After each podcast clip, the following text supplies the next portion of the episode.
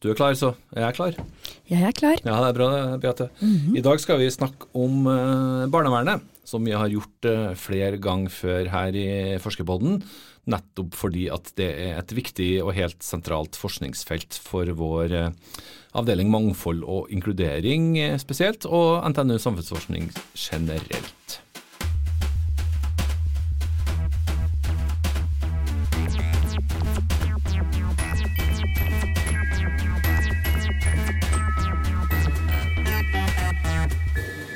Velkommen eh, tilbake til Forskerpodden.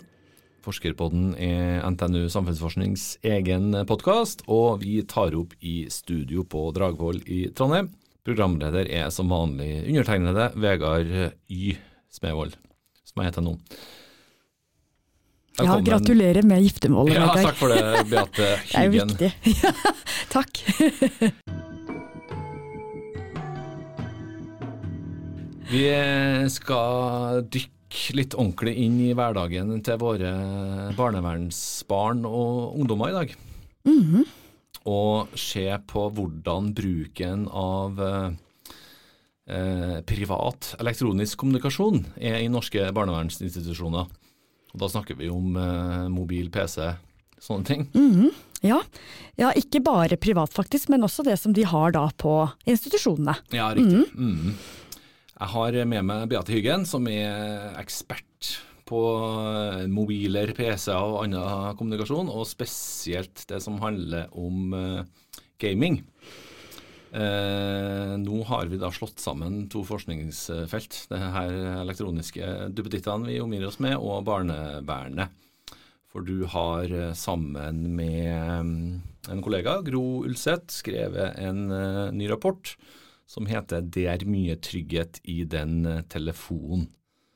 Hvorfor eh, var det her interessant for deg og eh, Gro? Ja, altså det her startet jo Det her er på en måte på et oppdrag fra Redd Barna, da, som, som hadde en mistanke om at det kanskje var veldig restriktiv bruk av eh, elektronisk kommunikasjonsmidler, som vi da kaller det.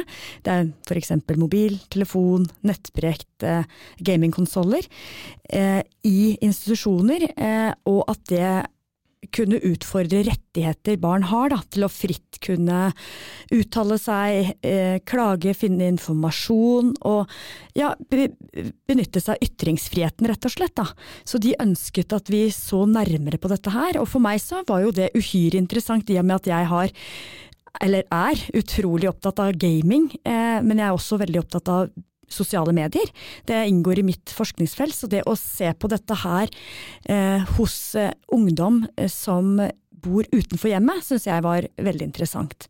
Så, så denne rapporten her, det omfatter da eh, barn og unge som eh, er plassert da på institusjon i regi av barnevernet.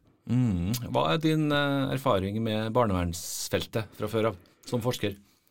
Eh, ikke, har ikke så stor erfaring fra barnevernsfeltet som forsker, men jeg har jobbet i barnevernstjenesten for veldig veldig mange år siden.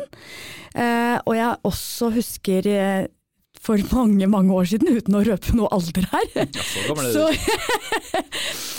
så skrev jeg eh, en masteroppgave. Eh, som også var eh, knytta opp mot barn eh, plassert utenfor hjemmet. Da jeg så på eh, hvilke drømmer og, hvilke, og hva de drømte om, og hva de fryktet mest i livet sitt. Det var det ja, som jeg fokuserte på da i den masteren. Ellers så har jeg jo jobbet for Trondheim kommune i noen år, hvor jeg hadde ansvaret for barnevernets utviklingsprogram. og med, så jeg har jobba en god del med barnevernet, men jeg har ikke, vil ikke si at jeg har forska mye innenfor det feltet. Det har jeg ikke. Nei. Eh, du er jo på alderen min, Beate, så eh, forhåpentligvis ikke så gammel. Eh, det er jo ingen hemmelighet at det er de her hjelpemidlene våre, da, mobil og PC og sånn, og spesielt gaming, som er det som opptar mest av din forskningstid. Og du har etter hvert også blitt en, en hyppig brukt eh, foredragsholder på det her eh, feltet. Hvorfor er du så interessert i det? Ja, når det gjelder eh, Jo, jeg er interessert i det av flere grunner, men det som jeg tenker kanskje primært, er at dette er jo en lidenskap for utrolig mange. Jeg er, jeg er jo utviklingspsykologisk forsker, forsker på barns utvikling. Og er det noe barn og unge i dag er opptatt av, så er det jo nettopp gaming og sosiale medier. Altså dette er kjempeviktig for dem. Hele 96 spiller fra mellom, når de er mellom 9 og 18 år, ifølge Medietilsynet. Gutter litt mer, jentene begynner å catche up. Eh, eh, og ikke bare er det eh, en aktivitet for barn og unge, men stadig flere voksne, flere kvinner. Gjennomsnittsalderen på en gamer er jo 34 år. Så dette er en aktivitet som på en måte er noe som de aller fleste, i hvert fall unge mennesker, driver med. Og da tenker jeg da er det også noe som jeg syns er spennende å, å, å, se på, da. Mm. Mm. Hvor mye games det i norske barnevernsinstitusjoner? Det vet jeg ikke om vi har noen tall på, egentlig. Eh, så det tror, jeg ikke er, eh, det tror jeg ikke er undersøkt. Men jeg vil jo tenke at barnevernsungdom er jo som annen ungdom. Så jeg tenker jo at de ligger på det som de andre gjør, vil jeg tippe. Mm. Eh, hvordan har dere eh, jobba når dere har eh, satt i gang med det arbeidet her? Jo, eh, da skal det sies at det var ganske vanskelig å få rekruttert eh, eh, ungdom og ansatte til å være med i undersøkelsen. Det kan jo ha noe med koronasituasjonen å gjøre, men det kan også ha noe med at dette er en gruppe som er vant til mange forespørsler fra forskningsmiljøet. Mm. De kanskje er litt lei av oss, rett og slett. Men vi har, vi har eh, strukket ut en hånd til institusjoner. Vi har bedt eh, statsforvalteren, er det det heter nå? Fylkesmannen? Stats... Statsforvalter, heter det Ja, det heter ja, vel det. Ja, ja. Jeg har ikke helt vent meg til det ennå, jeg. Eh, og ja, så vi har prøvd ulike kilder da, for å rekruttere. Eh, og til slutt så endte vi da opp med ni ungdommer. Og hvor mange voksne var det? Jeg lurer på om det var 22 voksne. Mm, mm. Mm, 21 eller 22. Til sammen 30 informanter, da. Som vi da har eh, reist ut, eller tatt over telefon og snakket med. Så her er, har jeg latt det være opp til ungdommen, når jeg har snakket med ungdommen, hvordan de ønsker å møte meg. Eh, da kunne de velge mellom å møte meg ansikt til ansikt, eller om vi skulle ta en telefonsamtale, eller om vi skulle ta det over FaceTime. Og da alle tre muligheter ble valgt. Ja, litt forskjellig. Ja, ja litt mm. forskjellig. Mm. Eh, valgt plattform, hvis vi kan kalle det det. Mm. Si det noe om hva dere får ut av de unge her. Nei, men jeg kan jo Hvor er det enklest å møte dem? Jeg, altså, vi Det noen mennesker foretrekker jo å møtes ansikt til ansikt, men for noen så kan det være ganske skummelt. Mm, mm. Eh, jeg er jo en fremmed voksen dame som de ikke har noe forhold til. Dette er jo ungdommer som kanskje er vant til å måtte forholde seg til veldig mange ulike voksne mennesker. Eh, så eh, de fleste valgte telefonsamtale, hvor vi da ikke så hverandre ansikt til ansikt. Og da varierte det. Noen hadde veldig mye på hjertet, andre var mye mer kortere i sine svar. Så hva man får mest ut ifra, det er jeg usikker på, men kanskje man får mest ut av de når de velger plattformen sin selv, tenker jeg da. Mm, ja, ikke sant. Mm. At uh, de får uh, stå for uh, premissene. Mm. mm. Vi har jo prøvd å få en ungdom hit også til å prate med oss i dag, og det har jo vist seg litt krevende å få til. da, Det er mm. flere grunner til det. Men kan du si noe på vegne av ungdommene om eh, hvordan de har det i barnevernsinstitusjonene, og når det da gjelder forholdet til eh, elektronisk kommunikasjon? Ja, altså det, det som Det er et stort spørsmål, men jeg, vi spurte jo de en rekke spørsmål som omfatta det med elektronisk kommunikasjon. Og når vi sier elektronisk kommunikasjon, så mener vi alt man på en måte gjør på nett. Mm. Og det kan variere veldig mye. Det kan være alt uh, chatting via gaming. Det kan være å publisere video på YouTube. Uh, chatte i ulike uh, sosiale medier som Facebook, Messenger, Snapchat, Instagram. Det kan være å delta i ulike blogger, debattforum, ja, selvhjelps steder. Altså det er alt mulig du gjør på internett på en måte, der du er i en slags form for interaksjon, samhandling med andre. Bare så det er sagt, da. Eh, det som vi eh, så veldig fort, var jo at eh, dette var svært viktig for ungdommene. Og det vet vi jo egentlig at gjelder for alle ungdom. Men et av spørsmålene vi også stilte var, tror du at det her er ekstra viktig når du bor i institusjon. Eh, og det svarte de fleste bekreftende til, at ja.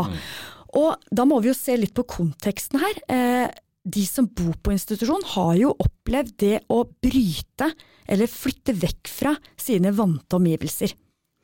De, eh, de, de har flytta fra foreldre eller annen familie, de har flytta fra venner, skole, altså sitt nettverk, på et nytt sted. Det kan for mange oppleves som ganske utrygt. Det er mye nytt å forholde seg til. Det er mange nye ting, det er nye regler, det er nye ungdommer, det er nye voksne, det er et brudd i relasjoner. Det å da ha tilgang på et verktøy, som for eksempel en telefon eller en PC, der du veldig kjapt kan komme i kontakt med folk du kjenner fra før, kontakt, holde kontakt med familien din. Det å faktisk Altså, det ble fremheva som veldig viktig for dem, da. Eh, og ikke bare det å holde kontakt med allerede etablerte eh, relasjoner, men også det når du kommer på et nytt sted, det å bli kjent med nye, kunne man også da gjøre gjennom dette her. ikke sant? At man er i en eller annen gruppe i klassen på Snapchat eksempel, eller ja, sånne ting da. Mm. Og da er jo spørsmålet mitt eh, hvor godt er det lagt til rette til at de eh, kan ha denne kontakten med omverdenen?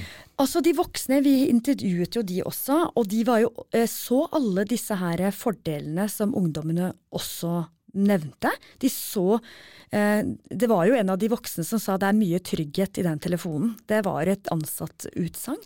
Det, det er et ansatt-sitat, ja. Et ansatt-sitat, mm. faktisk. Eh, og som underbygde det ungdommene også sa. Eh, og så De var veldig opptatt av viktigheten av telefonen. Sånn som eh, de voksne sa jo også det at um, dette var veldig godt for selvregulering. Det å kunne noen ganger få bare flykte inn i noe når ting blei litt vanskelig. Mm. Det å kunne sitte og scrolle på telefonen i en vanskelig samtale f.eks. Mm. kan for noen være lettere. Men når det gjaldt de Så intensjonene fra de voksne opplevde jeg som forsker, når jeg snakket med de jeg snakket med, var jo relativt begrenset, det var tre institusjoner, eh, at viljen og forståelsen av at dette var viktig, den var der. Men når det gjelder de faktiske eh, forholdene, mm. som for eksempel det at nesten samtlige, alle ungdommene jeg snakket med nesten, rapporterte om at nettet var veldig dårlig. Mm. Altså selve nettverket var dårlig, da. Eh, og det sa også de voksne. Og det, jeg har jo noen kollegaer på på Mangfold- og inkluderingsavdelingen, som har jobbet mange år i, innenfor dette feltet, de, sånn som jeg har forstått på den, så er dette et problem som har vart i mange år, hvor eh, barnevernsinstitusjoner sliter med dårlig nettverk. Mm. Og det er litt tussig, da, ja, i år 2021. Hvorfor tror du det er sånn? Nei, jeg vet ikke om det, det Jeg er usikker. For jeg forsto det i hvert fall på, på, de ansatte at dette var noe de var opptatt av skulle være på plass. Så om det er noen teknikaliteter som jeg ikke kjenner til, det, det vet jeg ikke. Men det tenker jeg jo er uhyre viktig i denne tidsalderen, hvor det utrolig mye av det sosiale liv foregår på nett. Og det som da skjer, det er jo at mange blir prisgitt den private datapakka de har på telefonen sin. Ja, ja. Og, og da vil det bli, den vil være forskjellig. Mm. Så at noen vil jo da ha stor datapakke, andre vil ha liten. Og det kan jo oppleves Der kan det også skapes forskjeller. I tillegg for de som gamer, da. Alle som gamer. Det å ha dårlig nett, det er kanskje noe av det verste som skjer. For da sitter man og koser seg. Plutselig begynner det å lagge, altså det begynner å bli hakk hakkete eh, i spillinga og si at du er midt i en kamp, så kan du tape pga. det. Eller at du risikerer, det fortalte jo noen av ungdommene, risikerte å bli kasta ut midt i spillet. Da kan man oppleve faktisk å bli banna fra det spillet, altså ikke få lov til å spille, eller at man blir rapportert av andre, man ikke får lov til å være med neste gang. Ja, Mm, så det kan ha sosiale konsekvenser, rett og slett. da. Overfladisk høres ut som uh, bagateller, men uh, som ja, du skjønner, da. Ja, for de som ting. ikke spiller, så kan det høres litt bagatellmessig men mm. se for deg sjøl at du du spiller, du spiller, i en stor fotballturnering, ja, ja. og så tar de ut ballen akkurat idet du skal idet du skal sette ballen opp i krysset. Da tar de ballen fra deg! Eller du har sittet og strikka.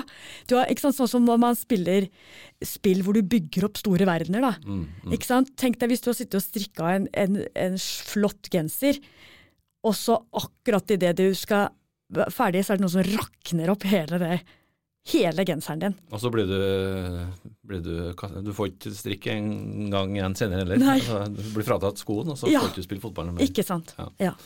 Eh, de ansatte eh, ser de positive sidene med telefonen. Mm. Hva slags eh, negative sider ser de ved at de barn og unge i institusjonene sitter for mye med telefonen? Ja, altså det med tidsperspektiv, det er jo noe som Vi brukte ikke så mye tid på det, egentlig. Eh, selv om noen ansatte uttrykte jo at man syns man bruker for mye tid på både gaming og sosiale medier. Det kom, fremkommer nok kanskje ikke så godt av denne rapporten.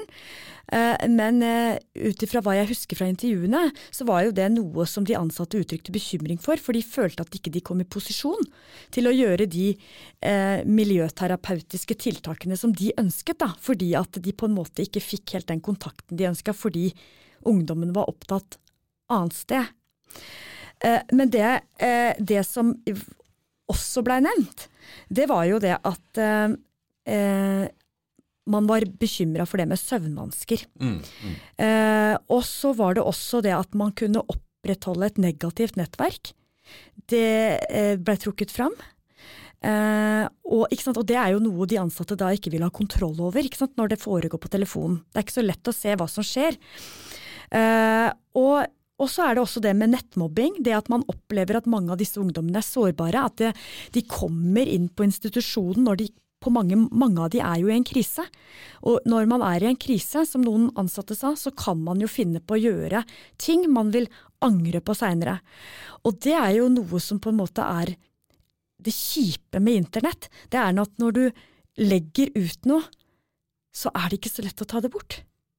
Ikke sant? Har du sendt et nakenbilde av deg sjøl til kanskje noen du har stolt på, i en Snap-melding, så vet du ikke hva den mottakeren gjør med det bildet.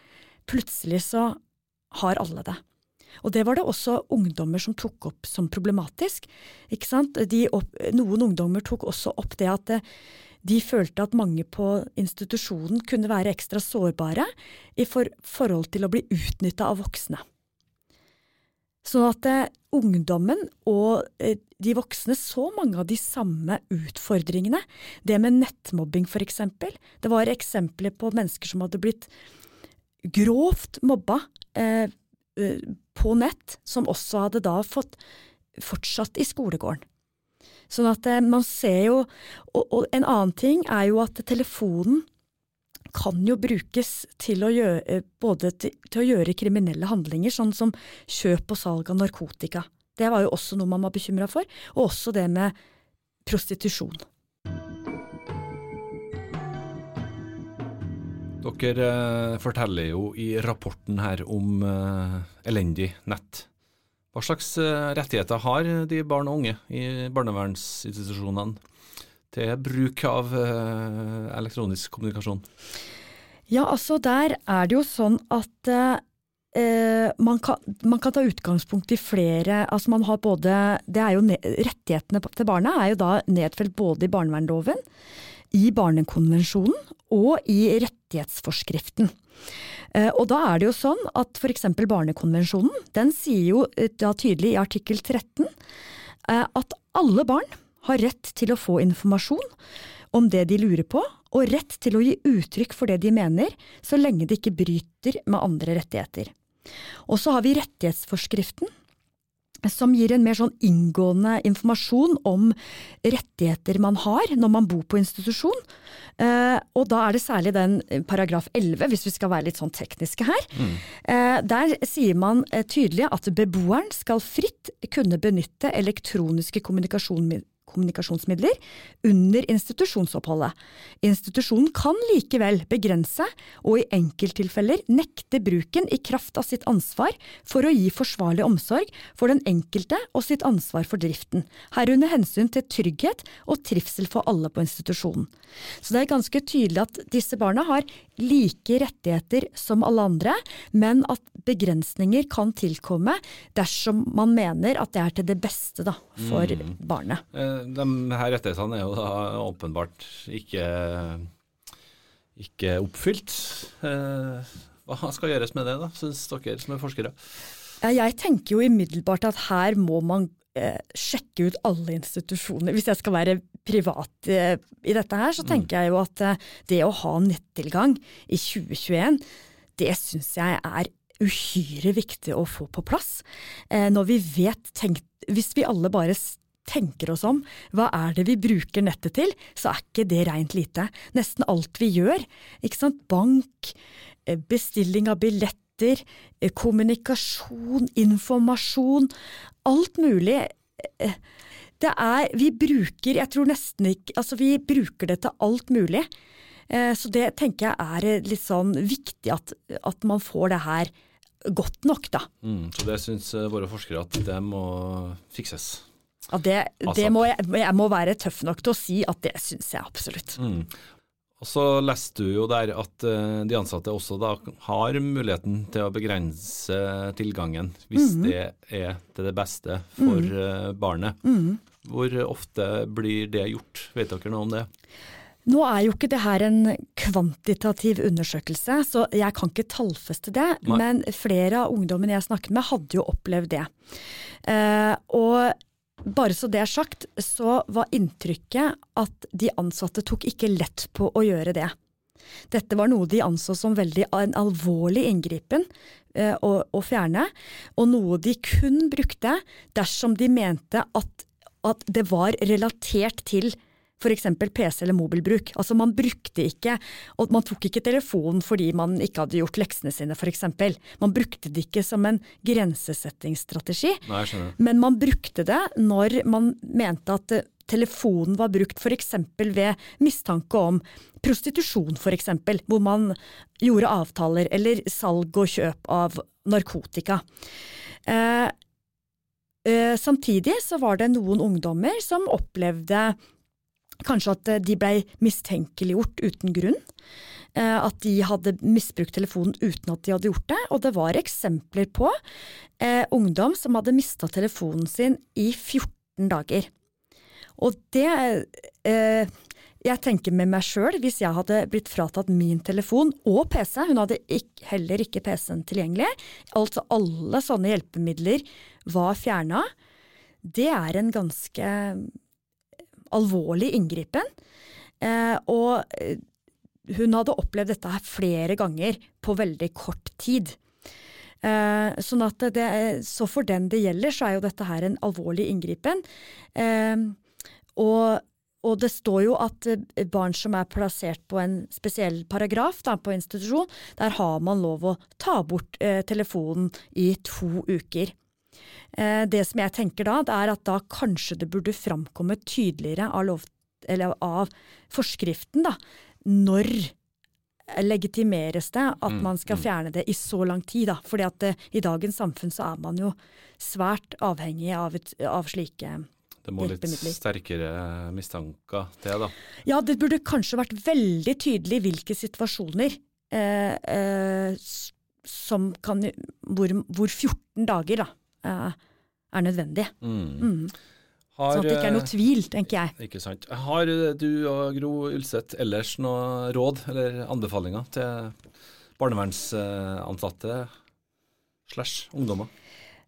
Et generelt råd som jeg egentlig gir til eh, ikke bare barnevernsansatte, men alle voksne, egentlig, det er å, å anerkjenne eh, hvor viktig eh, det er for barn og unge å ha tilgang til uh, ulike medier, som f.eks. gaming og sosiale medier, og at vi har en oppdatert kunnskap. At vi er litt på ballen.